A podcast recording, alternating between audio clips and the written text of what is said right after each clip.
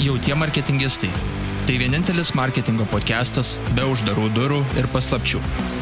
Tik čia sužinosi visas karščiausias bei aktualiausias marketingo naujienas, patarimus bei išgirsi efektyviausias pardavimų strategijas be jokių bet.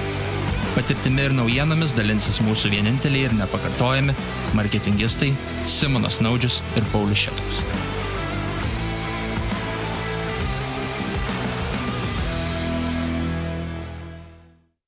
Pauliau, šiandien turime svečią Šarūną Rybakovą, Rocket Science Baltics direktorių ir programavimo padalinio vadovą. Šarūnas yra sukūręs, remontavęs ir gelbėjęs nuo virusų daugiau nei šimtą įvaraus dydžio elektroninių parduotuvių.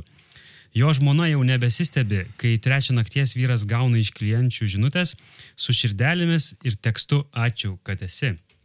Kaip ir Friday, kaip ir per kiekvieną Black Friday išpardavimą, Šarūnas gelbsti užlūžį e-shopą.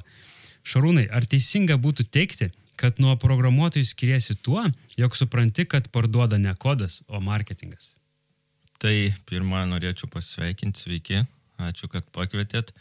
Einant į tokį klausimą tavo ir nesiveliant labai gilį, tai a, pradžioje galvau, kad vis dėlto marketingas ir programavimas kaip dvi atskiros sferos. Nu, iš esmės jos ir yra atskiros ir galvoju, kad didelės įmonės nu, neinvestuoja į marketingą ir a, nesistengia parduoti savo programavimo paslaugos, ne, bet kaip a, rodo patirtis, tai realiai galima teikti, kad nu, vis tiek pirminis tas kontaktas su bet kokia įmonė, ar tai maža programavimo įmonė, ar didelė developerių komanda, vis tiek pirminis kontaktas būna turbūt su marketingistu. Uh, kuris perteikia, kokio lygio yra programuotojai, ką jie gali atlikti, kokias integracijas atlikti, tai mm, teikti, kad e, vis dėlto marketingas parduoda kodą, jo, galim. Čia gal aš turėjau klausimą tokį, taip, iš tos pusės, kad, tarkim, paprastas šopas prekiauja koiniam ir e, ar užtenka turėti vien tik šopą, žinai, ir jau gali tikėtis pardavimų, kad e, vis dėlto be marketingo turbūt jų nebus kaip negi pats tu esi kažkada minėjęs, kad e, norint startuoti, reikia turėti bent kokius 5000, iš kurių pusę skirti reklamai, ne? Nes kitaip jo, nebus. dažnai tą formulę naudoju, kad 50-50, e, tai jeigu turim tam tikrą biudžetą, tai dalį skiriam ja, jo, jam e-shopui, dalį skiriam reklamai, nes realiai jeigu sudėsim visus pinigus, nu, minimaliam šopui ir nepasiliksim reklamui, tai vargu ar tas verslas važiuos šiai dienai. Gal anksčiau 5-10 metų atgal tas buvo įmanoma, dabar neįsivaizduoju. Bet dažnai turbūt aš irgi vat, susidariu su tokia dilema, kažkoks pradedantis verslas nori prekiauti, kažkokį va, produktą rado, paslaugą, žinai, ir nori va, susikurti tą elektroninę parduotuvę. Tai dažnai aš jam irgi sakau, nu, ar, ar jums tikrai reikia tos elektroninės parduotuvės iš pat pradžių, galbūt galit pradėti nuo, nuo landing page. Tai dėl to atsiranda iš mano pusės bent tokia dilema, um, ką vertėtų rinktis pradedančiam verslui, ar, ar vat, kažkokį landing page, ar iš karto startuoti nuo elektroninės parduotuvės, merkti tą didelį biudžetą, galbūt užtenka to vat, landing page, kaip sakau, įsibandyti, įsitestuoti produktą. Kokia tavo nuomonė galbūt šio klausimu? Uh, Nu, aš turiu savo nuomonę, landing page'as yra landing page'as, šopas yra šopas. Tai jeigu mes turim produktą, tarkim, vieną, ne, kažkokį norim patestuoti, tai yra begalė tų platformų, tas pats uh, Shopify'us, uh, atsiprašau, jo, Shopify'us, uh, kur galima su minimaliais kaštais pasileisti tą vieną produktą, pasitestuoti, žiūrėti, ar jisai einamas ar ne. Ir uh, grįžtant prie tavo klausimo, nu, landing page'as procesiškai labai apkraus tave. Nu, tarkim, tu turi produktą, nepasileidi landing page ir tada kas įvyks, tai žmogus susidomė, ne, koks pirkimo procesas, tai jis tada su tam susiekia kontaktų formą, tai kaip vyksta pavedimas, pinigų ir taip toliau, ne. O pasileidus aš šopą, nu, tau viskas automatizuotai vyksta ir realiai tau nereiks galvos, jeigu produktas patiko, paėmė, nusipirko, žinai. Tai reiktų atskirti šitus dalykus, sakau, landing page'as yra reklamai, promotionui, kažkam reprezentaciniam svetainį, žinai, o, o šopas yra vis tiek šopas, jisai turi atlikti savo funkciją. Tai aš, kad ir koks mažas esi, kad ir su kokiu mažu biudžetu startuoji, bet vis dėlto reikėtų rinktis šopą kurtis. ne landing page. Čia, Pauliu, gal aš norėčiau papildyti, kad e, e-komercija tai nėra tik e-shopas. E-komercija tai yra skelbė LT, tai yra skelbimo portalai, Facebook'o grupės, irgi yra e-komercija. Tada, pavyzdžiui, tu gali abiejai prekiauti Amazonė ir tu gali net neturėti savo e-shopo.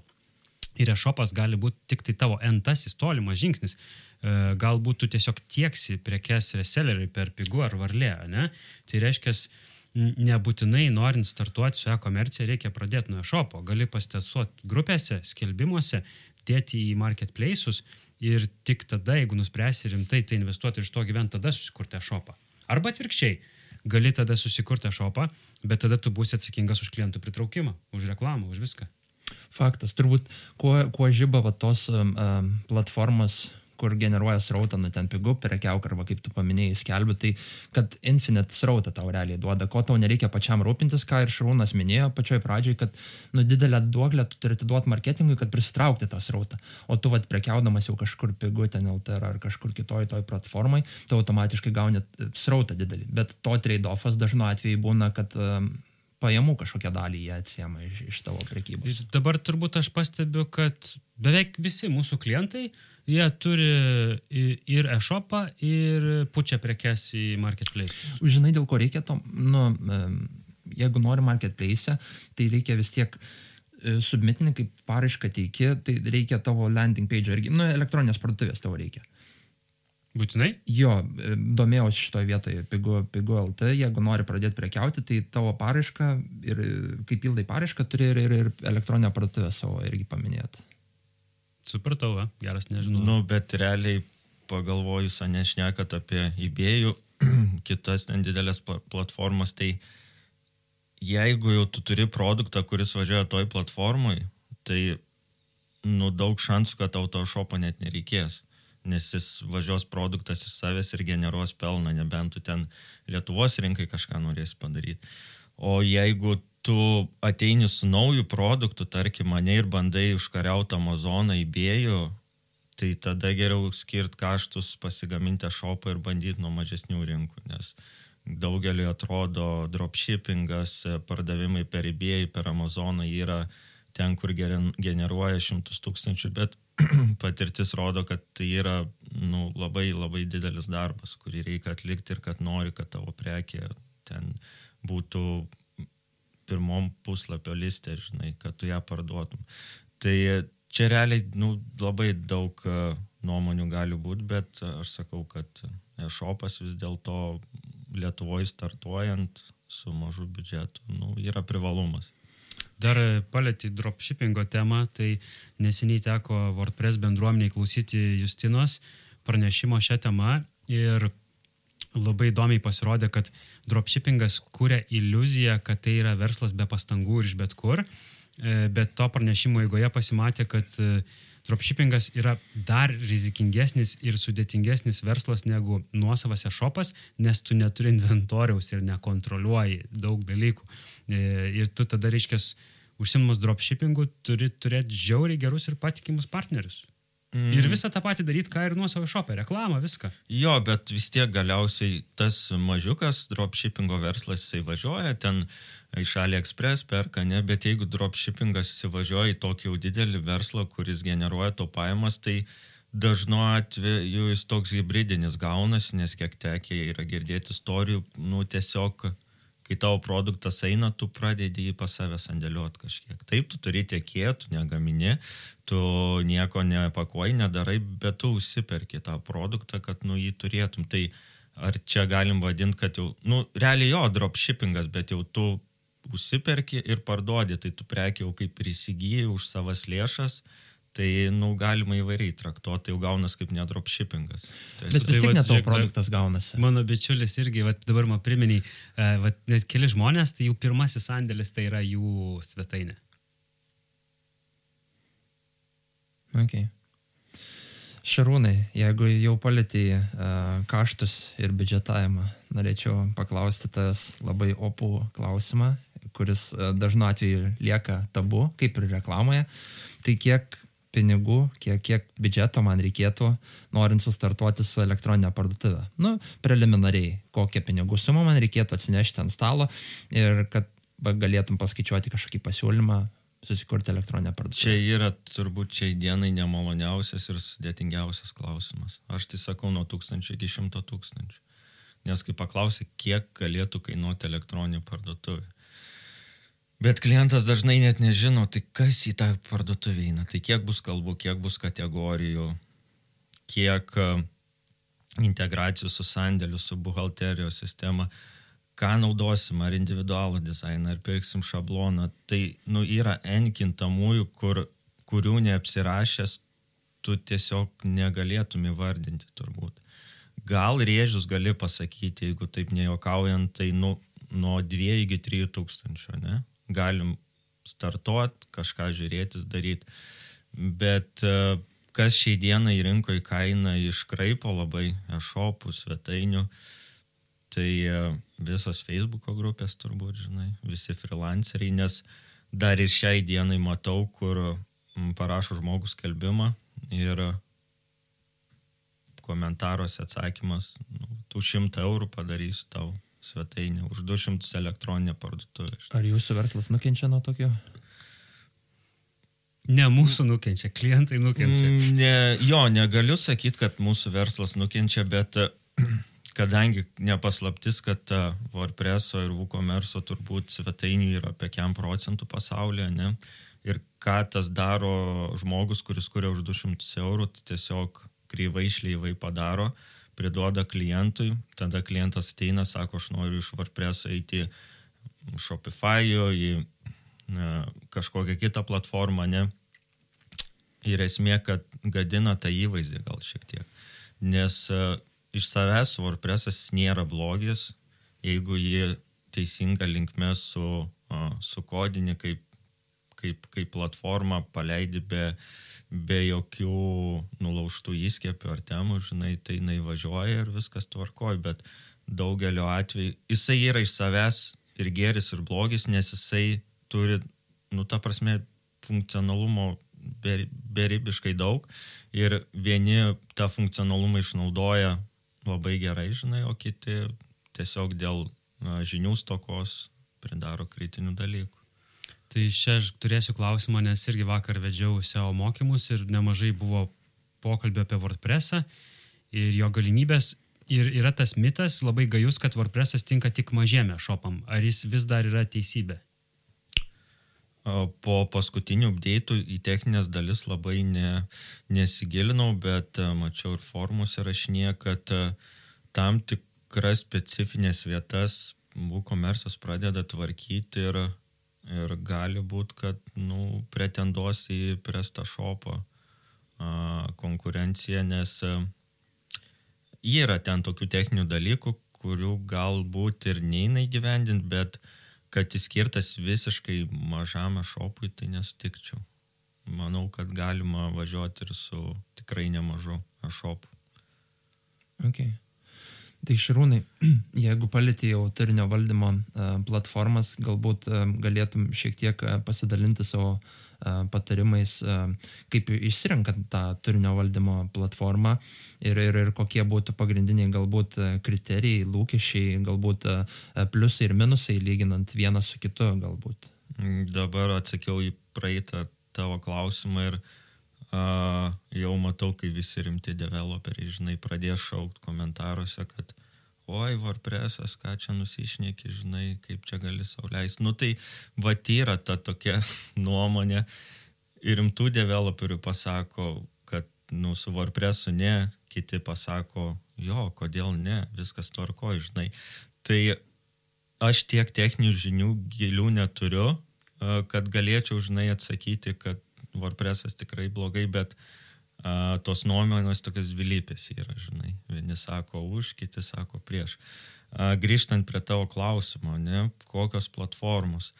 Tai vyroja, manau, šiai dienai vidutiniam versle tai turbūt PrestaShopas, WordPress'as, Shopify'us, Verskis LT, ar galėčiau į tą segmentą lyginti Verskis LT?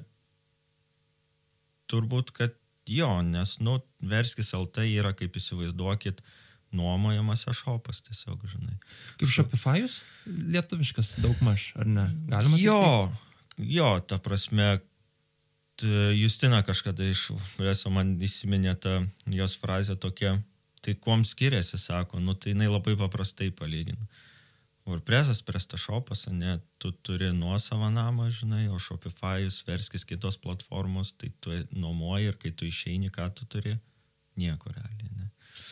Tai, bet aš taip nenurašau to pačio Shopify'us, ne, jeigu tu, tar, tarkim, turim vieną produktą, kurį norim patestuoti, žinai, nesamdant programuotojų, nededant didelių biudžetų, tai jo, pasileidžiam, pasižiūrim, važiuoja, bet su laiku vis tiek reiktų pereiti tada į tą didesnę, žinai, platformą. Taip yra verslų, kurių a, ir mes su Simonu patirties turim, kurie užsiema e-prekybą ir turi nemažus ašopus ir naudoja Shopify, žinai.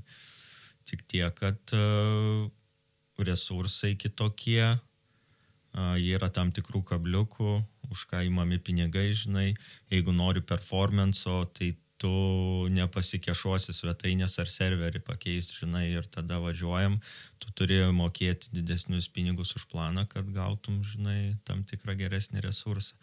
Tai e, čia labai diskutuotinas klausimas ir e, nuo situacijos priklauso realiai, kokią platformą pasirinkti. Šiaip dar gali paliesti trečią temą, kai visiškai custom shopas. Jo, bet čia jau tada mes einam į tą m, iš vidutinio ligmens į tą aukštą, tai kas yra a, Magento platforma. A, Tas pats Drupalas turbūt. Tas irgi, pats? Drupalas, jo, ten jau kur viskas kostumizinas ir, ir ant jų jau ne šimtas tūkstančių produktų turbūt sukasi, žinai, nu, ženkliai daugiau. Supratau. Uh, ok, turbūt uh, jeigu taip žiūrint iš šalies, pradedu ten kažkokį tą savo nedidelį verslą, prekiausiu kažko internete, tai turbūt vis tiek vienas tų pradinių žingsnių mano bus um, hostinimo platformos susiradimas, palyginimas to pačio domeno, Providerio. providerio pasirinkimas, domeno įsigijimas.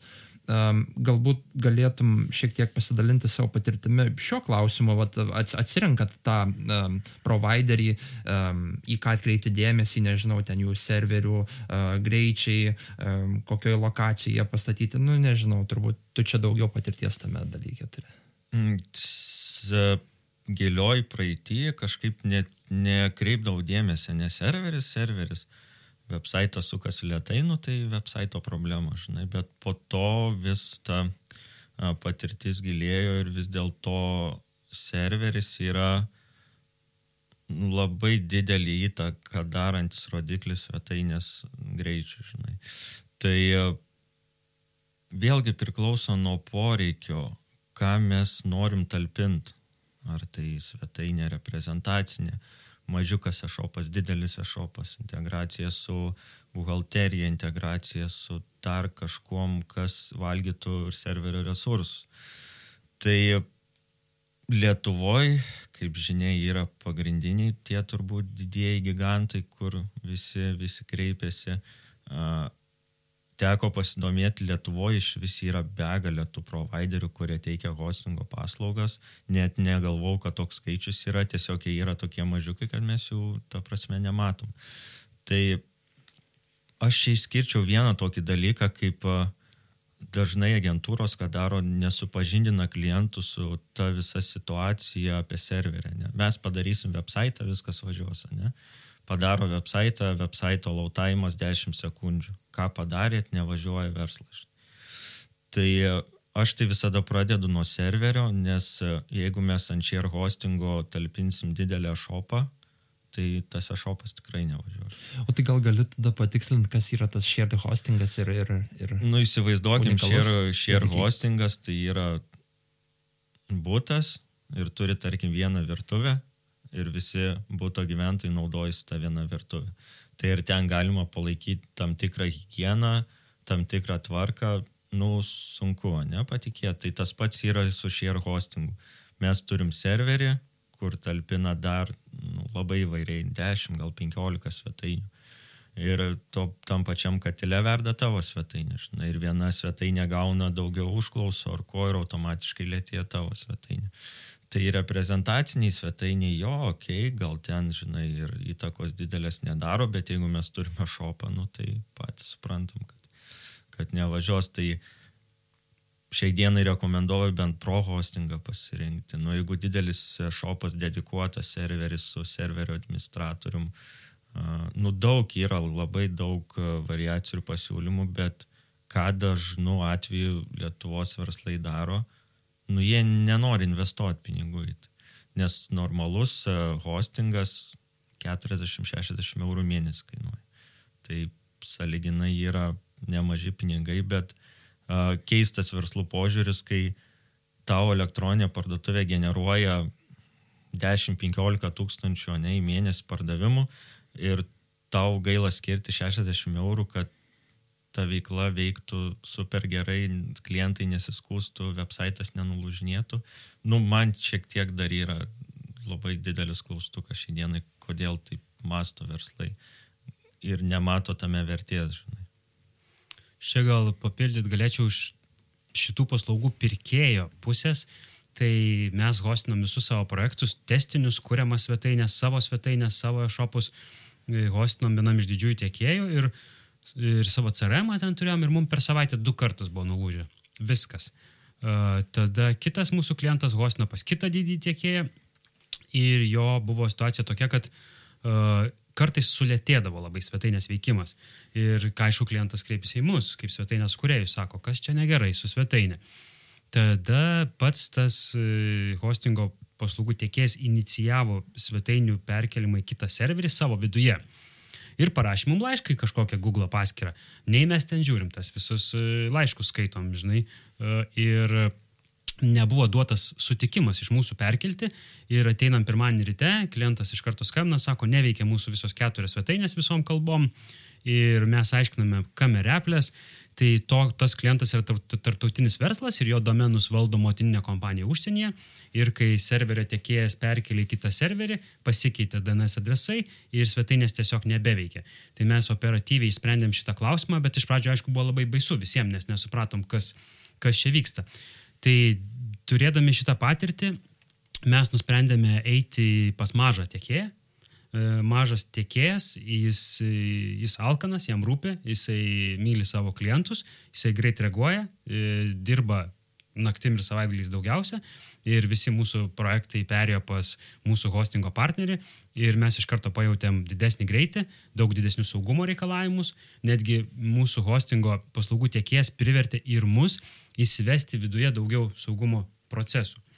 Tai čia vienas dalykas, o kitas dalykas, kad, e, pavyzdžiui, būna kartais toks atvejis, kad skambina klientas ir sako, neveikia mano svetainė, rešopas. 99 procentais būna pamiršęs pratesti domeną, sumokėti. Aš suprantu, iš kur ateini su šito uh, pasiūlymu, kad renkantis tą mažesnį uh, providerį daug ir tų privalumų yra, bet mano klausimas turbūt būtų, ar, ar nebaisu, kad uh, kažkurio momentu jis pasieks savo lubas ir, tarkim, per daug klientų prisėmęs serverį lūš, ar kažkas tokio atsitiks? Mes pajusim ir persikelsim kitur. Uh, tai galų gale, nu, mažas tiekėjas E, žmonėms visko nutinka, serga, atostogauja, tai visos šitos rizikos yra valdomos ir dalis jų netgi automatizuotos. Labai didelė dalis automatizuota ir uh, serverio tas pats mūsų partneris, administratorius, jisai uh, didėjant klientų ratui tiesiog, nu, kaip ir jis minėjo, kels uh, serverio resursus. Žinai. Tai nemanau, kad čia yra didelis kažkoks iššūkis pasirinkti tą mažesnį vietoj to didesnio, nes, nu, kaip ir Simonas minėjo, mažesnis labiau myli tai, ką daro ir stengiasi. Plus uh, specifiniai serverio nustatymai, viskas realiai pritaikyta WordPressui. Ir nereiktų apsigauti, mažesnis tai nereiškia pigesnis. Ta pati norėjau paklausti, ar... ar Nes čia mes, čia mes perkam ne kainą. Ta, tarkim, šopas seokursai.com uh, nu, veikia vos vos. Ir aš jau galvoju, nu, šlamštas tas WooCommerce, ką čia Šarūnas per gaidį padarė. Nu, ir perėjo kitą serverį. Opa, ir adminkė veikia 1-2 ir, ir website šopas veikia, sukasi be problemų. Tiesiog pakeitėm providerį. Supratau, tai mūsų klausytojai nepraleiskit šitą etapą ir įsirinkit tinkamą providerį. Nu, kas e, dar grįžtam prie providerių, tai tada jeigu rimčiau žiūrim į verslą, tai jau reiktų pasidaryti ir į užsienio rinkas. Už Atlanto gal net labiau pasižiūrėti, ką siūlo didieji gigantai ir ten galima rasti neblogų sprendimų šiai dienai. Ir gal dar čia turbūt reikia papildyti, kad vis dėlto e, mes pasirinkę šitą hostingo paslaugų tiekėją perkam ne tik hostingą, bet dar ir WordPress'o žinias, e, todėl kad, e, reiškia, su hostingu dar eina ir svetainių tam tikrą peržiūrą ir rekomendacijos, kaip pagerinti kažkuriais sprendimais tą patį greitį. Tai reiškia, susijungia viskas tada, visos tos žinios į vieną vietą ir iš to išeina nauda. Tai va, tai jeigu baigiant hostingo temą, tai į ką aš žiūriu, tai man tai prioritetas yra suportas, kad aš galėčiau bet kada susisiekti, žinai, parašyti, jeigu servas užlūšta, nes ne visada pats gali sutvarkyti ir ne visada nuo tavęs tai priklauso. Tai jeigu esi pradedantysis, tai e, ir viską pats daraisi, tai realiai rekomenduočiau rinktis tą, kur yra suportas 24 valandos, nes dažnu atveju suportas labai daug ką įsprendžia. O jeigu tu esi Lietuvos geležinkeliai, tai tu pirksi uh, kažkokį tais duomenų centrą, fizinį, stovintį su visais ten, žinai, apsaugom nuo gaisro, viskuo, ten generatoriais ir taip toliau. Nu, Bet čia jau kita tema, žinai. Savo serverinę statysi vos, na taip. Mm. Nes daugelis, e, daugelis žmonių ne, kažkaip įdomiai interpretuoja, žinai, kas yra serveris, tai ten kažkas tokio erdvėje. Mistiško. Jo, mistiško. Ne, serveris yra Kompiuteris. kompiuteris pastatytas, kuris nuolat dirbo, aušinasi, žinai, ir nėra ten jokio didelio mokslo. Nors kai kam dar sakau, atrodo, kad ten raketų mokslas, ten skraido, šokinėja, ten viskas, žinai, kaip fantastiniam filmui. Žuvytės Ir plaukia. čia dar vienas niuansas išlenda. Jeigu tu, pavyzdžiui, Pauliau, prekiauji krūtų implantais ir buvo toksais, tai tau ir klientės siunčia savo nuotraukas, tai tu turbūt e, tam, kaip ten šarūnai buvo geras tavo pavyzdys, bendrabučio virtuviai turbūt nelaikysi to papkės su tais duomenim. Ne, nesakai. Nu, mesgi turėjom tą garsią istoriją, visi turbūt jie žino. Brandų galim neminėti, kas buvo nutekinta ir kaip skaudžiai kainavo, kiek viena, nežinau, administratoriaus ar svetainės prižiūrėtojo klaida kainavo įmonės įvaizdžio, ne? Ir atrodo, nu, ai čia kažkur kažko neuždėjom, čia nėra saugumo, kas čia laušis, kas, kas norės tų duomenų, ne, bet atsitiko kaip atsitiko ir, ir man atrodo, rebrandingą reikėjo daryti net įmonės, nes autoritetas ir toks, kaip sakant, įvaizdis rimtas sprogo per... Ir čia vat, prieinam prie tą, tą temą, kurią buvom pasilikę gal pabaigai, bet išpirkos, ne? Tai e, nulaužiau tavo duomenų, duomenų bazę, pasėmiau ją, turiu visus tavo duomenis, kažką ten užšifravau, man pervesk ten ir ten tiek bitkoinų. Mm, saugumo tema yra labai labai aktuali šiuo metu, ypatingai suaktyvėjus karo metu, viskas yra kas įmanoma atakuojama įvairiausiam formom ir turėjom renginį susitikimą va, su savo hostingo paslaugų tiekėjų ir daug e, aptarėm grėsmių, atakų, rušių ir viską. Tai yra tam tikri dalykai, kuriuos turi padaryti programuotojai, yra tam tikri dalykai, kuriuos turi padaryti serverio administratorius, yra tam tikri dalykai, kuriuos turi padaryti projektų vadovas. Mm, Kasdieniai komunikacijoje, elektroniniuose laiškuose su, su, su, su slaptaždžiais ir viskuo. Tai visi šitie dalykai eina kartu ir negalim kažkurio vieno izoliuoti. Bet čia tas saugumo klausimas turbūt jis labai platus nuo to pačio dar, darbuotojų apmokymo ir nespaudėjimo ant, ant keistų nuorodų kažkokių džemėlę ar, ar, ar. Tai uh, didelės įmonės, kiek esu girdėjęs iš praktikos, ypač suporto įmonės, ne hostingo ar ko, tai testu, testuoja tiesiog, vat, uh, konsultantam įmeta nuorodą ir uh, žiūri procentaliai, kiek paspaudžia, kiek, kiek atlaiko tą spaudimą, nes nu, šiai dienai saugumas yra nu, top vienas turbūt dalykas. Nes kai žinom, laužia viską, visą parą ir kai kiti žmonės ar sako, nu, padarykit man taip, kad neįsilaužtų svetainė, nu, tu gali tik padaryti maksimaliai, kad neįsilaužtų, bet tu šimtų procentų užtikrint, kad neįsilauž svetainė, šiai dienai naivu. Jeigu Man hakeriai, kaip čia, pardavė kursus už 1000 eurų. Nu, susimokėjau, susimokėjau, žodžiu, kai netekau iš sąskaitos 1000 eurų. Tai tiesiog vakare buvau pavargęs po visos dienos, po paskaitų, po mokymų. Ir atėjo žinutė atsinaujink Smart ID ir aš e, atsinaujinau, Svetbanko langas man užsikrovė, labai gražus, aš prisijungiau, paprašė kažkaip vėl prisijungti, langas gražus, toks kaip ir priklauso, viskas atrodo identiškai. Ir ateina žinutė 1000 eurų nebėra. Ačiū Dievui, aš neturėjau prieigos prie įmonės pavedimo, aš galėjau įmatyti tik tai įmonės, e, reiškia, sąskaitos likutį, nes būtų iš ten visus įmonių pinigus išsiuntę. Čia buvo didelis skandalas, rodė per žinias, ten pagavo paskui tos bulgarus, bet tas mano tūkstantėlis nuplaukė. Tai hakeriai man padovanoja pamoką ir dabar, pažiūrėjau, jeigu perku iš šopo ir aš, tarkim, pažiūrėsiu senukai domeną, ar netyčia, pažiūrėjau, paskutinė į netyčia, tarkim, nėra vienetas. Nes gali Taip. būti, kad aš tos prekės ir negausiu. O vizualiai atrodys beveik identiškai. Ir prekės, ir pinigų negaus. Tai kiekvienas laiškas, kiekvienas ešopas turi e, adresatą, e, tą siuntėją arba URL. -ą. Tai žodžiu, visi mes turime praeiti šitos kursus ir išmokti skaityti domenus. Ir suprast, ką jie reiškia. Turbūt iš reklamos pusės daugelis irgi girdėjot apie šitą paplitusį dabar, kur, um, nu, virusą, jeigu taip galima pavadinti, irgi nuhekina akauntus, tai žinutės tau siunčia ale Facebook supportas, kad tavo puslapis užblokuotas turi spausti nuorodą. Tai, tai per dieną turbūt aš sulaukiu kokius 3-4 tokias žinutės iš skirtingų akauntų ir tiesiog dabar nu jokio prevenšino nėra, kaip apsisaugot nuo to. Bet grįžtant prie to svetainių klausimo, gal tada mm, galėtum pasidalinti kokiais patarimais, į ką atkreipti dėmesį, kaip apsisaugoti, tą tokią kaip ir higieną kažkokią pasidalintum iš savo pusės, ką reikėtų atkreipti dėmesį. Saugumo klausimas. Tai, tai vis pirma saugumas prasideda nuo serverio. Serverio, vairfalai, vafai, labai daug yra dalykų, kurie turi būti dėkti. Ir tada jau eina websaitas.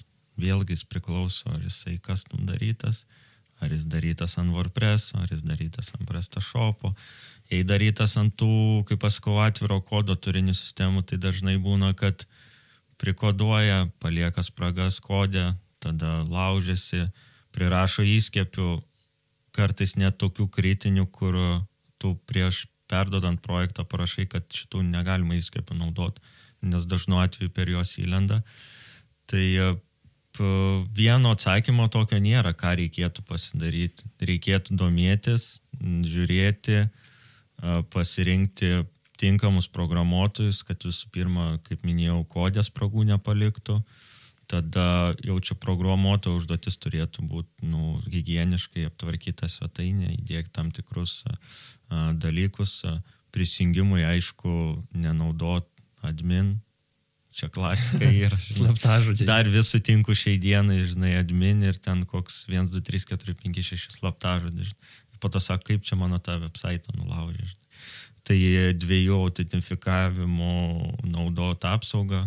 Nu, tas be to šiai dienai turbūt naivu tikėtis, kad a, tavęs nenulauž, nes aš asmeniškai visur naudoju, tiek, tiek Google, tiek jungiantis prie kitų paskirų, nes nu, tai realiai apsaugo tave 8 procentų turbūt nuo, nuo to, žinai, piktybinio įsilaužimo. Tai uh, vad klientui sunku įsivaizduoti, žinai, atėjus, ar man vis dėlto gerai padarė ar ne, ar mane nulauš ar ne. Tai e, visada nepagailėto biudžeto pasiaudituoti tiesiog. Kito įmonį pas kitą freelancerį, žinai, nes tų freelancerių begalė visi turi skirtingas e, e, specifikas darbo, viską tiesiog pasiaudituoti, žinai, o nelauk, kol tave nulauš ir tada jau ieškot problemos, nes kai nulaužė ir jau kai randa spragą, tada jau sudėtinga būna. Per vėlų jau būna. Nu, ne, ne tai, kad yra per vėlų, bet visada backupą reikia turėti. Ne hostingo kažkur providerio, turėti pas save backupą. Ir backupas labai daug ką įsprendžia. Žinai, jeigu tai yra šopas, tai e, labai greita reakcija, atstatymo laikas ir viskas važiuoja toliau. Žinai. Nebūna tų tokių, kur per Facebooką pašėrinį jungi ir žiūri, rašo laimėjai šeštą iPhone. Žinai. Kaip taip atsitinka? Čia toks uh, off-topic truputį klausimas, bet uh, kartais papuola irgi, kad uh, nu, paspaudi kažkokį linką ir, va, kaip tu sakai, peradresuoja į kažkokį vad laimėjai iPhone ar kažką. bet atrodo linką, nu, tipo, spaudai legit. Jo, tai tiesiog malvėras ar kas įsibrauna į failus, tau įmeta skriptą ar kokį failiuką ir jis tiesiog redirektina. Vieną kartą paspaudė, antrą kartą ir iš trečio karto atidaro normalią tą nuorodą. Žinai. Tai kartais klientas net ne, nesupranta, žinai, metus šopas važiuoja ir koksai jo pirkėjas ar kas parašo, kaip čia jūs iPhone'ais dabar prekiaujat, ar ko, žinai. Nu, būna to papildų iki iPhone'ų. Jo, būna tokiu atveju, žinai, ir net, nu, tu jeigu neskanuoji, tau tas svetainė sukasi, žinai, bet kad tau redirektina į visus. Tai gerai, kad dar tik į iPhone 6 būna redirektina ir į smagesnius dalykus. Supratau. Kur ir vaikai gali atidaryti ir kitą. Aš vieną kartą Facebook'e pamačiau reklamėlę uh, Le Sportiva, kalnų alpinizmo batų, itališkas brandas, geras ir pats turi tos batus. Ir žiūriu, išpardavimas. Žiauri geros kainos. Toks kaip mano modelis, tik naujas. Jau aš siūs žygeivių ten formom čia tam. Ir kažkaip sako, nu čia tai skemas turbūt vis dėlto. Tai parašiau patiem italam, lesportyvai, sakau, kas čia. Sako, jo, atsiprašom, visko nesugebam išgaudyti, bet tai tikrai nėra mūsų e-shopas. Mm. Skemo, jo, mano freelancinimo laikais dar pati pradžia buvo ir turėjau tokį klientą, kur tiesiog prekiavo produktų, milžinės sumas Google Adsam išleisdavo, bet tas produktas nepasiekdavo klientų, kaip ir mano darbas buvo netlygdinai, nu, nepasiekė manęs, žinai. Okay. Tai uh, yra nu to aferistų daug ir, ir, ir šiai dienai jų turbūt, nežinau, man kiekvieno kampo yra, gal kaip nesidomim tai, bet e, kiek praktika, kiek šiaip pasakoja ir klientai kartais, kad, nu, užsiema to tokiu. Ir čia turbūt kyla toksai patarimas mano gal kaip, kaip iš savo pusės, kad e, jeigu aš matau nedidelę šopą jame nėra jokios istorijos, nėra nei kontaktų, žinai, nei, nei įmonės rekvizitų, nei to savininko istorijos, kodėl šitą pradėjo verslą ir aš negaliu jo pa, pa, pa Facebook'int, pagooglint, dar kažką, Tai iš kur man žinot, kad čia tikrai aš gausiu tą, tą prekę, o dažnai būna mažie šopai, turi kažkokias išskirtinės menininkų prekes ar kažką, ko kitur negausi ir jos dažnu atveju būna netgi brangesnės. E, ir, ir iš kur man tada turėti tą pasitikėjimą, kad jis yra tikras. Žinai? Tai va tokie paprasti, dažnai būna šopai nužmoginti. Žinai. Tai vien tas mhm. sužmoginimas jau duoda kažkiek to pasitikėjimo, šiek tiek daugiau. Nu, tas tiesa, aš tai neperku, jeigu nematau kontakto ar emylo. Uh, tarp kiek to trumpą istoriją papasakosiu, mėnesis, gal pusantro atgal šeimoje pas mane buvo, kad mano mama užsisakė suknelę. Nu ir užsisakė ir užsisakė, manęs nepaklausė, aš parodžiau, kaip išmoko, užsisakė ir sako, negaunu, savaitę, dvi, nusakau, kas yra, žinai, kame problema. Sako, skambinau kontaktam rekvizitų, bet sako, čia net ne ta parduotuvė, žinai, sako, mes sen metų skundžiamės, kad tiesiog vienodi brandai, žinai, vienodas domenas ir paimtas tas e, šopas ir e, įsijungiau tą svetainę, nieko nėra. Kontakto, Facebooko linkas neaktyvus, nu, ta prasme, nėra kam, kur, kaip parašyti, žinai. Bet uh, pasirodo, jie naudoja Pacerą. Tai aš padariau dar vieną orderį, tada pamačiau, kad apmokama yra per peiserą. Nu tai ką, skambinam peiserai. Paskambinam peiserą. Peiseras šiaip neturėtų praleisti verslo, kuris, uh, nu, skemina, kaip aš sakau, žinai, neturi produktų. Pasirodo, ta parduotuvė, nu, egzistuojanti, viskas tvarkoji. Tai uh, užteko to skambučio peiserai, jie susisiekė su to, mm, kaip sakant, parduotuvės savininku. Uh, suknelė po dviejų dienų atėjo, žinai. Bet klausimas, kas būtų buvę, jeigu būčiau neskreipęs peiserą, turbūt paprasta, žinai, prekės nebūtų iki šiai dienai gavę. Nes tu net neturi kam, žinai, priekaištų pareikšti. Tai e, kaip man tam verslė sukantis, tai jo aš sigaudžiau, bet įsivaizduokit, nu, vyresnio amžiaus žmogų, kuris, nu, jam sudėtinga būtų, žinai, taip išnarplioti. Tai... Tai va, Šarūnai, Tu kurie šopus, tai kodėl neturi savo šopo? Čia džiauri geras klausimas, kurį turbūt du metus gvildenu, ne? Toks batsiuvys be batų, taigi visi pas mus ateina pirkti, daryti sešopą, reklamą, viską. Tu viską realiai turi viduj, bet tada tokia dilema ateina, tai ką parduoti, kokią prekybą, tiek visko yra pilna, nu, koks produktas, kas, kaip, žinai, bet uh, šiais metais susipaprastinau savo mąstymą, kad uh, produktų yra įvairiausių visokių, išskirtinumo tu turbūt kažkokio negali, žinai, pateikti, tai tiesiog atrasti tą produktą, kuris visiems važiuoja ir bandyti važiuoti, žinai. O šiaip, bet buvo tokie renginiai, kur kalbėjo šopų savininkai ir kaip tik va, buvo priešingas toks, sako, prekių Lietuvoje dar netrastų, pavyzdžiui, yra, kurios yra užsienio, yra žiauriai daug. Ir matyti tie, kas įsisuka į šitą va, asortimento, tą darbą su asortimentu, jie pamato didžiulės galimybės atstovauti kažkokius, žinai, kosmetikos brandus, dar kažką, kas dar yra daug dalykų, kurių Lietuvoje dar nėra. Žinai, tai galimybių tame yra, bet turbūt pats žmogus iš savęs turi turėti tą gislelį, jam turi tas e, tokio verslo kūrimas ar tarpininkavimas teikti prasme. Ne?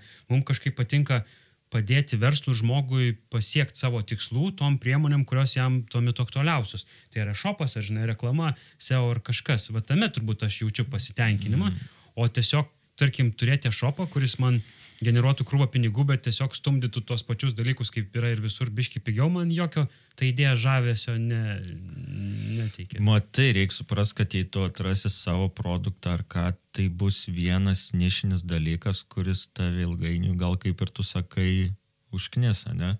O kai ateina verslai, tai nu, naujas verslas, kiekvienas ateidamas, ne, kreiptamas pas mus, nu, mes norim, nenorim, turim pasigilinti, ką tas verslas veikia, ką prekiauja, kuom kvepuoja, žinai.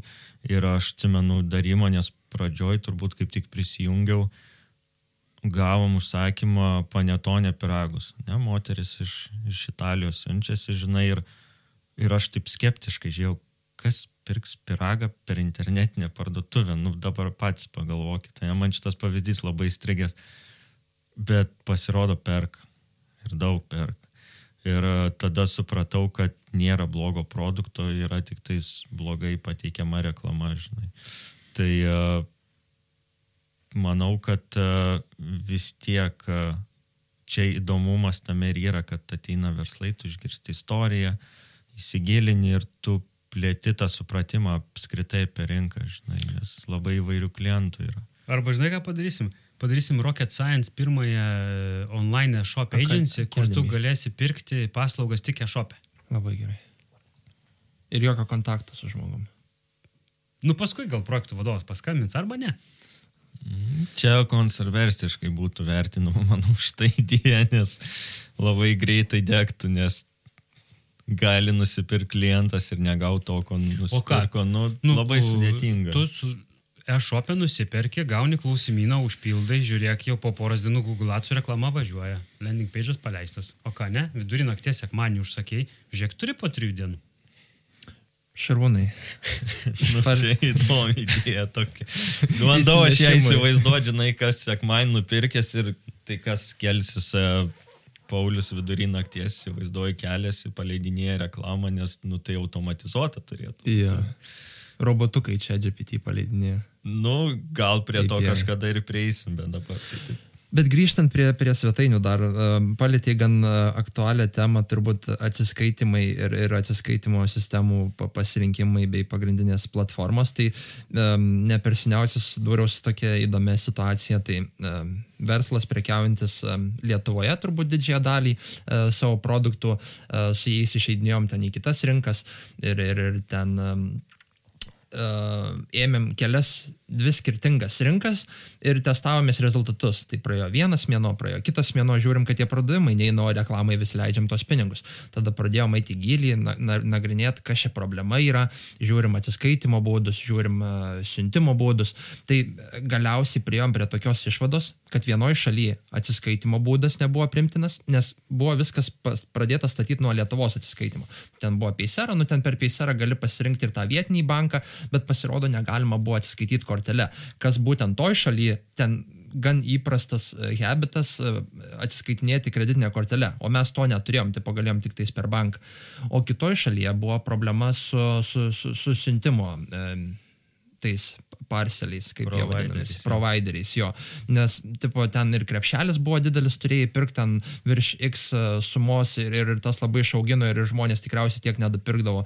Tai bet norėčiau grįžti prie to apmokėjimo, vad būdo ir, ir, ir platformų, galbūt galėtum pasidalinti savo patarimais Lietuvos rinkos prekiaujant ir, ir pavyzdžiui, jeigu jau brandas sugalvoja prekinis ženklas į um, užsienio rinką, į eksportą eiti, ką turėtų atkreipti Tai dėmesį. vat labai geras tavo pavyzdys buvo, žinai, neleido vienoje šalyje provideris to daryti, kitoje to. Tai a, visų pirma dokumentaciją tada rekomenduočiau pasiskaityti, žinai, kad jeigu aš einu į Estiją, Latviją, viskas ok, bet jeigu einu į, nežinau, Skandinaviją, į kitas didžiasias šalis, tai skaityti dokumentaciją, nes dažniausiai būna parašyta arba tiesiog paklausti providerio, žiūrėkit, aš atsiskaitinėsiu ten, ar turiu kažkokiu kabliukui, ką turėčiau atsižvelgti ir kaip man, žinai, visą tą apeiti. Tai e, iš e, Lietuvos rinko iš tų mažesnių, tai jų yra labai daug, opėjus, e-commerce'as, neopėjai, dar yra begalė, jau senai domėjausi, bet e, jų yra daug, jie atlieka savo funkciją, tas pats sebas turi savo jau integraciją su, su jeigu kalbant apie e-commerce. Tai tikrai opcijų yra daug, aš tai vis tiek linkęs tokį mažesnį rinktis, nes reikia atkreipdėmėsi, kad Paisera, ne, Paisera jis yra jo surinkimo mokėjimų provideris, bet jis yra kaip bankas, kas verslui gerai nuo to, kad jisai turi sąskaitą, į kurią įkrenta pinigai ir jis gali disponuotais pinigais. Su opėjimu ar kitais tais mažesniais provideriais, tai tu susikuri paskirą, kur priskiria tau sąskaitą, per ašopą žmogus atsiskaito, įkrenta į tą sąskaitą, bet jį nori disponuotais pinigais, tu turi persivesti savo banko sąskaitą. Žinai, šiuo atveju sveda seba, nu, kur yra laikoma įmonės sąskaita. Tai e, vat, vienas iš peiseros tokių, tokių privalumų, nes yra kaip bankas, žinai. Tai čia kaip PayPalas būtų daug maž. Tok tarpinė stotelė tarp banko. Nes PayPalas biznis irgi gali disponuotais pinigais, kuriuos gauni į sąskaitą, žinai. Tai, bet vis tiek a, vyrauja internetinės bankininkystės atsiskaitimai, tai galima naudoti juos visus realiai, žinai, pagal poreikį, kokio, kokio reikia, vieni gal truputį blogesni, kiti geresni, nu čia jau mano, kaip sakant, asmeninė nuomonė, ką aš naudoju, žinai, bet galima juos visus naudoti. Mes bandėm kažkada padaryti palyginimą kainų, žinai, nes visi tie kainuoja nuo pavedimo, kažkoks procentas, kažkoks ten mėnesinis, dar kažkas, tie planai skiriasi. Tai žodžiu, visų mokėjimų serverių, paslaugų, ser, viso paslaugų tiekėjų, marketingistai labai geri ir stiprus ir padarė šitą paslaugą neįmanoma beveik palyginti. Mes darėme tą lentelę ir užsiknisom, nes ten tiek daug kintamųjų. Tai iš esmės turbūt gal kol esi mažas, tai tau tas procentas kažką ten nelabai lemia, bet turbūt kai augi, tai tada prasideda tikrosios dėrybos su visais tais tiekėjais. Jo, tai naujas dar atėjęs provideris e, FoxPay, man atrodo, yra, nes ten ir didesni tie tokie šopai pastebėjau naudoja. Nu, jau kaip per kėtis skaitai, tai matai, čia tokia Ir, ir profesinė Kevinas pakankamai. Kevinas girdėtojo. Kevinas irgi atėjęs, tai jų yra daug. Šiaip a, aš dažnu atveju apie renkuos, nes vėlgi ten yra suportas, ten gali parašyti, ten tau žmogiškai atsako, sutvarko, bet realiai kiek šopų esu paleidęs ir naudojimas upėjus, tai nebuvo nei vieno neigiamo kažkokio komentaro, ar, vad kaip tu minėjai, kad e, atsiskaitimo lange leidžiam reklamą, nėra pardavimų, kas vyksta, o dažnu atveju pasijungus godžiarą ar kitą kažkokį tulsą, matai, kaip pasirenka žmogus e, apmokėjimą ir tiesiog užsideda ratukas, sukas, sukasi, sukasi, sukasi ir klientas atsibosta laukti ir jis tiesiog išjungia, žinai. O dabar dar e, kokia tavo nuomonė dėl Google atsiskaitimo ir Apple tų atsiskaitimų? Ar gai ir čia nauja praktika, ar čia kažkur naisim su tuo? Nes šiaip užsienio šalyse gan jau galima mm, daugelį šopų atsiskaityti tiek pačiu Google Pay ir, ir Apple Pay. Ar kaip ten tiksliai? Jo, daug, daug kas pradeda naudoti, ypač kas anglų kalbą websaituose naudojau, pastebėjau, gal ten bando užsieniečių tą, žinai, pritraukti rinką. Tai yra, kas pasijunginėja Apple Pay. Aš pirkau neseniai per ebėjų, bet per mobiliaką ir sumokėjau per Apple Pay, tai man, žinai, nereikėjo nieko suvedinėti, ten tai buvo labai patogu. Bet kad tas ateitų į šopus, Matai, čia dar yra tas dalykas, kad vienus dalykus perku per kompą, kitus per mobiliaką, žinai. Tai, bet vėlgi, pas man, jeigu darbė stovi makas ir perku darbę, tai aš galiu, reiškia, ir per kompą, tada per desktopą nusipirkti per Apple Pay. Mhm. Tai patogu. Su Google jau taip nepadarysi, ne? A, net neturiu tokio dalyko, tai nežinau.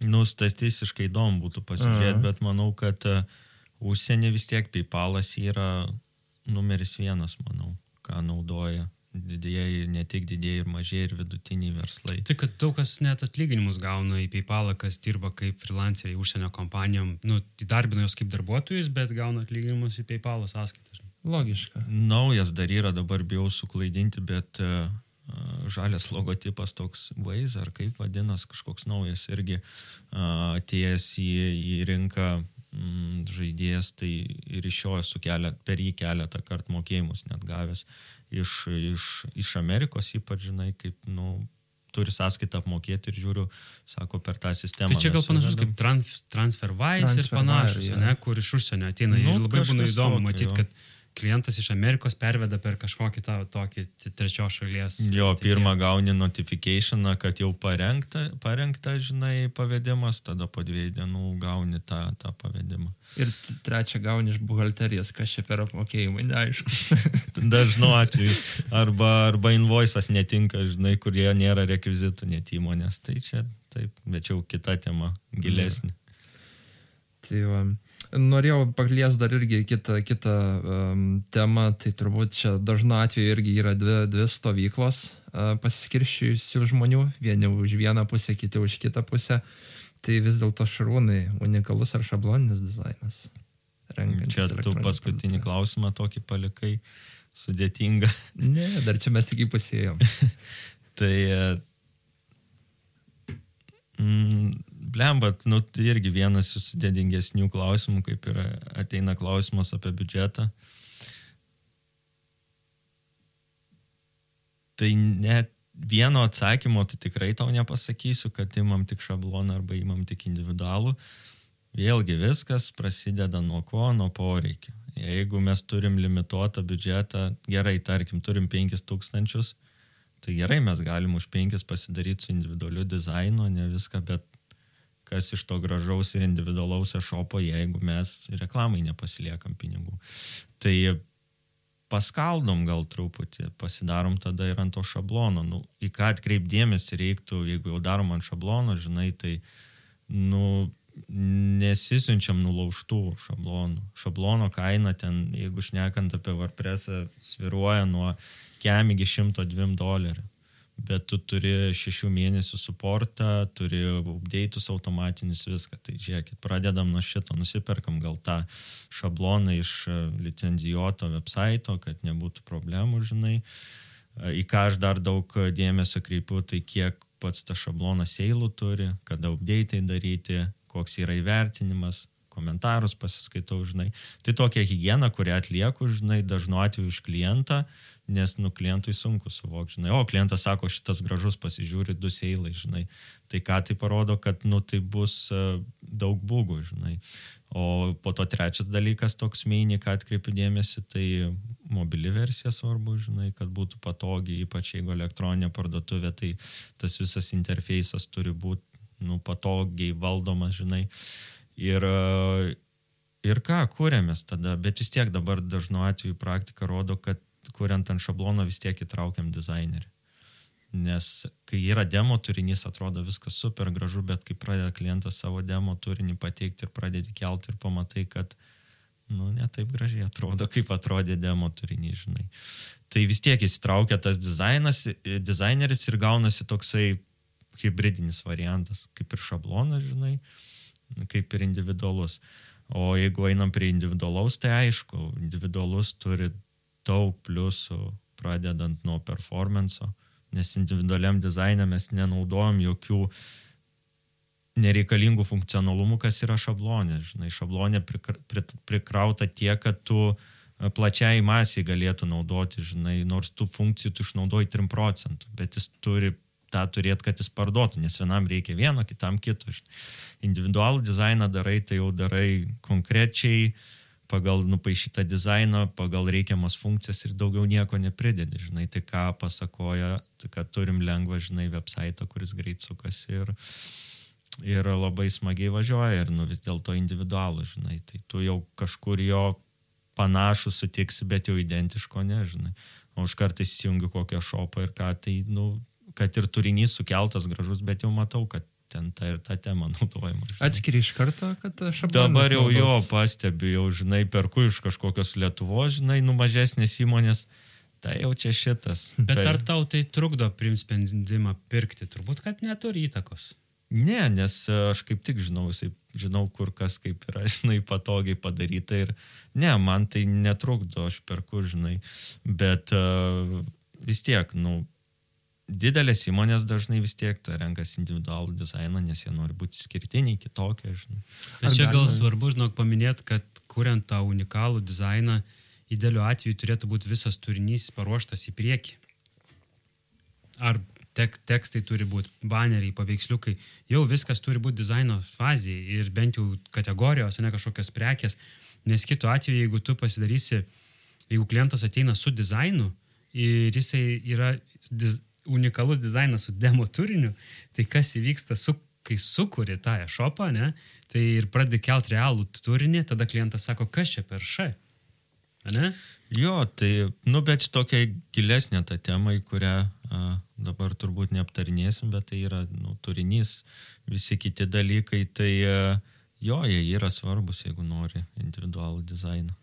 Dar trumpai gal pridėsiu, vat, e, man susisiejo šitą temą, kad nesnei turėjau pokalbį su kliente, turi nedidelę šopą, autorinius gaminius ir pokalbis prasidėjo nuo to, kad reikia padidinti svetainės greitį, kad reikia čia kažkur kažką truputį pakoreguoti ir sakau, palaukite, sakau, koks jūsų dabar tikslas? Ar dabar tikslas yra pardavimai, kalėdiniai pardavimai? Sako taip. Tai galbūt dabar pradėkim nuo, nuo svetainės e, greičio gerinimo, didinimo, o nuo komunikacijos, nuo produktų, nuo reklamos, ko jums labiausiai reikia. O tuos kitus dalykus nagrinėkime, spręskime ir ar jie yra nice to have, ar jie yra must šiuo metu. Žinai? Nes jeigu mes padinam svetainės greitį šiek tiek, uh, šiek tiek patvarkom kažkokius smulkių dalykų, ar nuo to pardavimų padaugėja? Ne, nei kiek, ne, nieks nepasikeičia. Ir dažnai turbūt patys programuotojai ir freelanceriai, jie iš karto beda pirštų į tą, kas akivaizdžiausia. Ne? Oi, pas tave biškilė tai kraunasi, o čia pas tave nėra meta prašymo, ar čia kažkoks paveiksliukas netoks. Bet tada verslininkui turėtų ateiti klausimas, o koks mano tikslas? Nu, ar, ar, ar, šitos, ar šitie dalykai, šitie veiksmai padės man jį pasiekti? Ar jie mane tik tai at, nu, blaškys iš šono? turbūt kiekvienas nori tą pardavimą padaryti, tie patys programuotojai ar ten SEO specialistai ir, ir jie į savo tą pusę lenkia turbūt šitoje vietoje irgi. Ne, Nu. neatsižvelgiant į verslininko poreikį. Pats, pats turbūt supranti, kad tų reklamos paleidėjų, žinai, kurie sukonfigint gali, tai jau yra dabar begalė, nu. bet e, kuris tikrai gilinasi, žinai, ir pasigilina, kaip tas marketingas veikia ir kaip įmonė turėtų važiuoti, tai, nu, labai nėra didelis skaičius tų, žinai, e, tų specialistų, mano supratimu.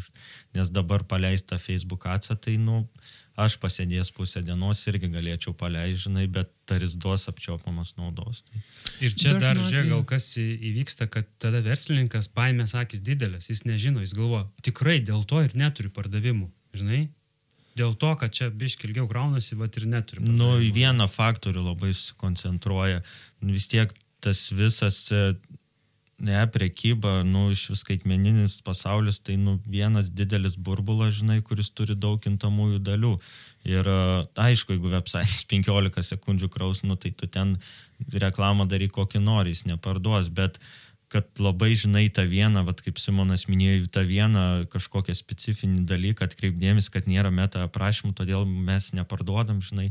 Ne, tai yra meta aprašymas, tada e, titlas, tada dar kažkiek, kažkoks kintamasis ir jų mažų labai daug susideda į vieną didelį, žinai, ir to pasiekmė. Čia gal žinai, kas dar vyksta dažnai. Vienas, tarkime, šopas turi išsamų turinį, edukacinę, ne, ir jisai viską pasakoja apie tą produktą, ir jisai stovi gerai savo pozicijose, bet jis turi kainą didesnę, o kitas šopas neturi nieko, tik tai gerą kainą, ne, bet identiškam produktui. Ir, nu, čia turbūt tas pats fenomenas, kaip ir tu ateini į parduotuvę, apžiūri, jeigu tau patinka, nueini online, nusipirki pigiau, žinai. Bet ir pačios tos, tas retailas ir, ir, ir digital pasaulis, jie patys tai daro, nes e, ateini į parduotuvę, va čia reikėjo pirkti vaikišką drabužį, tai parduotuvė jisai ten, žinai, virš 30 eurų, e, internetu ten iki 15 eurų. Tai, žodžiu, reiškia, tampa galimybė pačiupinėti produktą kaip prabanga. Ne tik tu turi skirti savo laiką, prisiparkuoti, ateiti ir fiziškai ten būti, pažiūrėti, paliesti, kad, kad, kad tai galėtum, žodžiu, tai jeigu nori nueiti į fizinę parduotuvę, tai susimokėk dar 5 procentų ant. Taip, nes kaštai ženkliai didesni negu turėti elektroninį parduotuvę ir kampą. Čia aš turiu minėti tą patį brandą, tą pačią parduotuvę, tą patį gaminį. Tai nereikia toli ieškoti tos pačios e, maisto prekių parduotuvės viena mieste kainas kitokios negu lyginant su kitu miestu. Tai, nu, tą tik tais noriu pasakyti, kad um, vietinė kažkokia rink, rinkliava, mokesčiai ir panašiai turi įtakos ir, ir gali koreguoti kažkokią kainą nuo, nuo gyvenamosios vietos. Nesvarbu, kad tas pats pre, prekių tinklas. Tai iš esmės, jeigu pasirinkome verslą e-shopo, tai kaina bus viena iš pagrindinių marketingo priemonių ir konkurentų monitorinimas ir jų akcijų stebėjimas turėtų būti kasdieninė hygiena. Jo, bet aš sakau, kaip a, kaina negali būti tavo konkurencinis pranašumas, nes tada tu kerti visai rinkai per... a, Nu, dažnu atveju ir dabar yra komercija, turbūt depinguoja kainas smarkiai ir ką mum iškelia ir kliksus ir viską, bet verslas žiūri savo naudos, žinai, ir, ir kartais, e, kartais, nu, tiesiog nėra paaiškinimo, žinai, kodėl čia 30 eurų, o ten, žinai, 3 eurų pigiau. Bet Taip. žiūrėk, Pauliu, tu kasdien leidė šopų reklamas su nuolaidom. Tu ką tik savo paprieštaravai. Ne, čia pasiūlymas, čia nekainuoja. Kaina, tai yra kainodara. Pasiūlymas. Nuolaida yra kai, kainos dalykas, kainodaras klausimas, visiškai šimtų procentų. Bet pasiūlymas. Nuolat taškai klientų savo maržas, kaip tu gali nuolaida tai pasiūlymas, ne kaina. Kaina. Nuolaida. Vis tiek sumažina tiesiog produkto kainą tam, tom sąlygom, tom tikrų momentų. Tai yra visiškai klasikinis kainodaros pavyzdys. Bet tu marketingo. bandlindamas gali psichologiškai apeiti tą dalyką. Ir, ir kaina nebus tavo tu konkurencinis pranašumas. Nu įtakoji, bet nebus konkurencinis pranašumas, nes mano bundle pasiūlymas bus geresnis. Nu taip, jis turės ribotą laiką ir viską. Na, nu, aišku, matai, mes čia peršokom. Bundle tai, kai jau tu sujungi kelis produktus, kai būna čia vien tik pasiūlymas. tai nuolaida, žinai, jo, jo. kažkokia tais tam konkrečiam brandui. Jeigu mes kalbam tik apie kainodarą, nu, nuolaida tik tais uh, akcija tipo produktui, tai jo, tada tipo per kainą. Bet, bet būtent šitas aš daugiau apie veikia, pasiūlymą. ne? Bet būtent šitas daugiausiai ir atneša rezultatą. Kaina, jo, jo, jo. Teisingai. Tai jeigu jau pasirinkome šitą verslo modelį, tai turim suprasti, kad e, kaina yra labai matoma internete.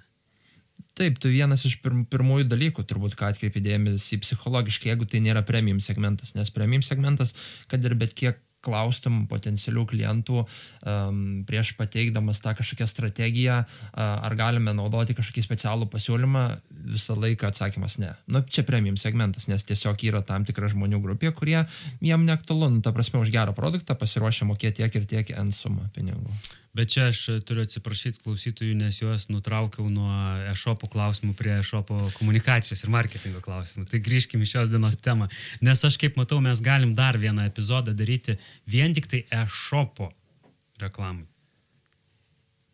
Puikus, Simonai, gera mintis ateičiai. Um, šiaip norėjau dar paliesti vieną tokią gan mistifikuotą uh, temą, kas susiję su elektroniniam parduotuvėm, tai yra uh, administravimas svetainių ir už ką klientai čia moka administruojant. Tai už orą, aišku. Šarūnai, kaip ten su to administravimu? Už ką mes ten mokam developeriam? Už orą, kaip Simonas sakom, bet jeigu nejuokaujant, tai kaip yra šiai dienai, ne? Mes pagaminame šopą, priduodam, viskas važiuoja, tvarkoju, žinai. Tai ir ateina tas kritinis klausimas, tai ar reikės palaikymo. Nu, dažnu atveju, ką klientas, ai, tai mes čia patys atsinaujinsim, žinai, pasidarysim, prisižiūrėsim. Jie dažnai patys to nieko nenaujina ir nedaro ir parašo po pusės metų užlinko šopas. Niekas neveikia, reklamą leidžiam, pinigai einat, ką padarėt, kodėl neveikia, žinai. Tai klientai, kurie supratingi ir nori ramiai mėgoti, tai jie dažnai pasirašo tą palaikymą, žinai. Tai palaikymas yra ne tai, kad e, kaip daugelis įsivaizduoja, kad mes kelsim produktus, darysim aprašymus, žinai. Palaikymas yra daugiau techninis dalykas, kur atnaujinam ten platformą, nesvarbu, ant ko jinai kurta, žinai, prižiūrim, kad viskas tvarkingai veiktų, kad nepasibaigtų domeno, ten ar serverio, žinai, galiojimo laikas. Tai tokie hygieniški dalykai. Gal dar pridursiu, reaguojam, įsipareigojam reaguoti. Jo, jeigu, tarkim, žinai, nulūšta websaitas, nu visko būna ten ar įsilaužia, tai mes tada esame pareigoti, kaip Simonas minėjo, sureaguoti, žinai, atstatyti backupą ar sutvarkyti ten tam tikrą spragą. Tai, Arba jeigu Japanese užėjo į svečius. Jo, aš praktikoje esu turėjęs du du atvejus. Tai vienas jau, kai nu, vien, vienam buvo sudėtinga, tai tiesiog įmonės developeriai prisijungė, kurie buvo tikrai gan aukšto lygio specialistai ir dėjai iki to, kad darom naują. Nes, nu, resursų tiek sudeginom ir neįsprendžia, nes kai pagauna Search konsolė Japanese SEO, tai tada jau ne mėnesį ir ne dviejų reikia, kad rendžia. Japanese SEO, galit patikslinti? Kai tu į Google įvedi savo brandą ir visi tavo paustai puslapį viskas tiesiog japoniškais hieroglifais. Viskas. Kaip tik viskas. įmanoma?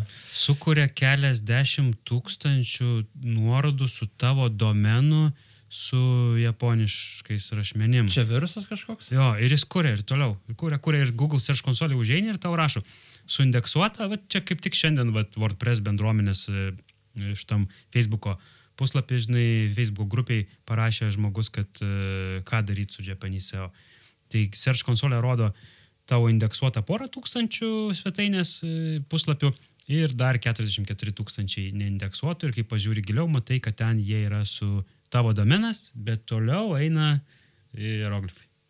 Jo, tai yra toks baisus dalykas, kurio niekam nelinkėčiau, nes tikrai išvalyti ir sutvarkyti yra, yra sudėtinga. Realiai turbūt, jeigu turi kopijas ir sugebė atsekti, kada jisai įsiveisė, tai turbūt, jeigu galėtum atstatyti kopiją ne iš serverio, švarę, su sąlyga, kad atradai, kad tai yra tikrai švari, galbūt, ne? Variantas, bet vis tiek e, Google'ui nepasakysi, jei aš įsikėliau naują website ir indeksuok rinksenas nuorodas visas su japoniškais hieroglifais. Nebus taip, nu, tam reikės laiko. Tai e, vat, viena iš pasiekmių jį yra, nes vis tiek, nu, tas pats WordPress'as, jisai naujinasi ir developeriai ir community žiūri, kad nebūtų spragų, viskas nu, nuolat kinta ir tu turi naujint ir kai tu apleidi metus du, nu, tai pasiekmes gali būti va tokios, žinai, Super. rimtos. Žodžiu, jeigu pataupysi kelis eurus kas mėnesiuką, paskui išleisi kelis tūkstantėlius per kartelį. Mėly, mūsų klausytojai, netaupykit ant administravimo svetainės pinigų. Tai čia, jeigu šiandien paklausysi, netaupykit ant hostingo, netaupykit reklamos. ant developerių, netaupykit ant reklamos ir netaupykit ant palaikymo. Niekur netaupykit, tai iš ko tada uždirbsit klausimas, ne? Nu, baigiant palaikymu, tai e, dažnai klientus apmoka ir jie patys pasidaro, žinai. Tik esmė, kas yra palaikymo, kad tu, kai klientas e, nepasiema paslaugos, pats bando atnaujinti, tai, tai žiūrėk, koks Google kodukas dinksta, žinai, pradeda nes, nesek konversijų ir taip toliau, tai, uh, bet tai nėra kritinis dalykas, žinai, kaip įsilaužimas, tai geriau jau naujinti ir kažką pasikrapštyti, pasidaryti, negu visiškai palikti likimo valiai. Supratau. Um, sekantis klausimas, ką norėjau paliesti, tai um, optimizacija ir mobiliai renginiai. Turbūt, nu, tikslios statistikos tikrai neturėsiu šiam momentui, bet kiek pats irgi dirbu su, su elektroniniam parduotuvėm, tai 60-70 procentų pardavimų turbūt per mobiliuosius įrenginius, tas visas li likusieji 30-40 procentų dažnu atveju būna desktopas, o šiaip desktopą naudoja tai dažnu atveju researchint, nu, tipo pasiskaityti, nes daug patogiau, žinai. Bet kur aš lenkiu su šitu klausimu, um, tai um, mobiliųjų įrenginių optimizacija ir kaip pagerinti, pagreitinti uh, apsipirkimo tą visą procesą. Ir kas įtakoja? Dideli imidžai kažkokie, kažkas. Tai jo, realiai dabar, vat, kaip ir minėjau, turbūt e, pokalbio pradžioj mūsų, kad uh, kalbėjom apie šablonus ten, ne, tai, nu, realiai reiktų vis tiek priority dėti mobiliam įrenginiui. Nu, vėlgi tai gali priklausyti nuo produkto, žinai, jeigu parduodytų kažkokį kubilą, tai ten per mobilų, nu, pasižiūrėsi, bet ar tu pirksi per jį, nu, abejoju, žinai, bet jei tai yra smulkus ašopas, tai be abejo, kad uh, mobile friendly turi būti pirmas dalykas, į ką turėtume atsižvelgti.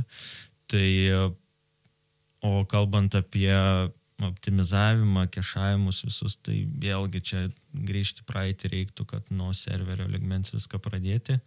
Serveris, uh, tvarkingas kodas, neprikodinta bereikalingų funkcijų, visi kiti dalykai, vat, kaip tu paminėjai imidžą, ne, nu būna, klientas sako, nu visiškai nevažiuoja šopas, tu pasižiūri imidžas 15 MB įkeltas. Ir tokių nuotraukų 3-400, tai dabar logiškai pamastant pagalvokim, kiek servė vietos užim, kiek užtrunka užkrauti produkto puslapį, jeigu visus nuotraukos nuo 10-15 megų. Tai yra tie tokie main dalykai, hygieniški, kuriuos reikia padaryti, žinai, optimizuoti nuotraukas ir e, tie jau gilesni, kaip pasakau, kur reikia resursus, resursus tvarkyti, tai serveris, žinai, ir, ir e, ten jau į gilį lendam ir nuo ten pradedam ir tada einam į, kaip sakant, frontą, tai yra imidžai, uh, nežinau, tai imidžai turbūt pagrindinis toks dalykas, ką šį dieną sutinku, žinai, kad sako, nevažiuoja šopas. Tai jo, nes imidžai po 15 megų. O kas šitoje vietoje turėtų būti atsakingas? Ta prasme, aš suprantu, turbūt. Čia kad... programuotojas, čia vienareikšmiškai programuotojas, kuris uh, sukelinėja turinį. Aišku, jeigu programuotojas nesukelinėja turinio ir klientas kelia, tai jau, bet nu, mes tengiamės visada klientą informuoti, kad nu, nekeliam tokio dydžio, žinai, rezoliucijos nuotraukų, bandom viską tvarkingai daryti. Tai. Nu, čia labai gerai, jeigu klientas uh prieš pasileisdamas naują šopą bent jau pasikonsultuoja su SEO specialistu arba jau esančio šopo kažkokio eigoj pasidaro auditą ir tą auditą galima daryti, žinai, gal ir kas metus net ar kas du.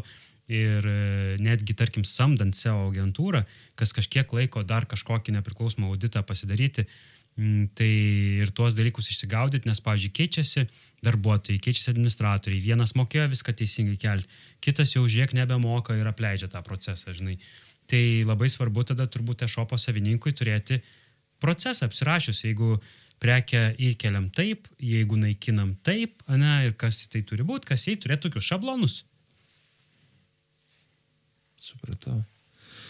Žiūrėkit, vyrukai, kad ir kaip smagu su jumis šiandien kalbėtis apie šopus. Manau, mūsų laikas po truputį jau irgi senka šiandien. Uh, Tai aš visiškai, visiškai pabaigai dar turėjau tokį klausimą pasilikęs ir norėjau Šarūnui užduoti. Tai Šarūnai, turbūt kaip verslo savininkas irgi direktorius įmonės Rocket Science Baltic, um, kasdienybėje susiduria tiek su programuotojais, tiek su marketingistais, tiek su SEO specialistais, tiek su tuo pačiu verslu daug komunikuoji, matai iš kiekvienos pusės prizmės apie projektą ir, ir, ir norėjau čia užduoti tokį klausimą. Tai uh, kill, marry, fuck. Programuotojas, marketingistas ir verslas. Ir kodėl? E, geras klausimas tavo. Kokie, kokios opcijos buvo? Programuotojas? Vieną programuotojas. Jo, aš jau. Trečią ką padaryti? E, susiženit? Uh, jo, susiženit. Tai programuotojas, marketingistas ir verslas. Nu, verslininkas. Mhm. Taip, tai projekto sėkmė vis tiek priklauso nuo projekto vadovo. Tai tekėti turėčiau už projektų vadovo. Jeigu... Ulelė, čia intrigėlė mesgasi. nu, nes tai vis tiek yra kertinis uh, taškas. Uh, kas dar liko iš opcijų? Programuotojas, marketingistas. Tai Lemva labai suktas, bijau sudėti. Nu tai va taip pabandom ant greičio. Reiškia, tau liko programuotojas ir marketingistas ir vieną reikia nužudyti, kitą reikia prilupt gerai. Manau, kad žudyčiau verslą tada, o programuotojas lieka. Ta kita opcija. O ką su marketingistu darytum? Gali savo sugalvoti bausmę arba pamaloninimą. Markin, marketingistą pamokinčiau turbūt. O, super, dalykų. palinkėjimas. Eikit visi marketingistai, mokytis, klientai, žinot, kur e, ir programuotojai taip pat. Tai ačiū už šitą nuostabų pokalbį, ačiū Šarūnai, ačiū Pauliau, Ačiū jums. Modestai, lauksim jūsų mėly klausytojai kitose epizoduose. Ačiū, kad iki galo išklausai dar vieną jau tie marketingistai epizodą ir tikimės, jog su nekantrumu laukia išbandyti naujausius marketingo įrankius bei taktikas auginant savo verslą internete. O dar visai prieš pabėgant, kviečiu įvertinti ir prenumeruoti mūsų podcastą bei prisidėti prie didžiausios marketingistų bendruomenės kūrimo Lietuvoje. Tam kartui tiek.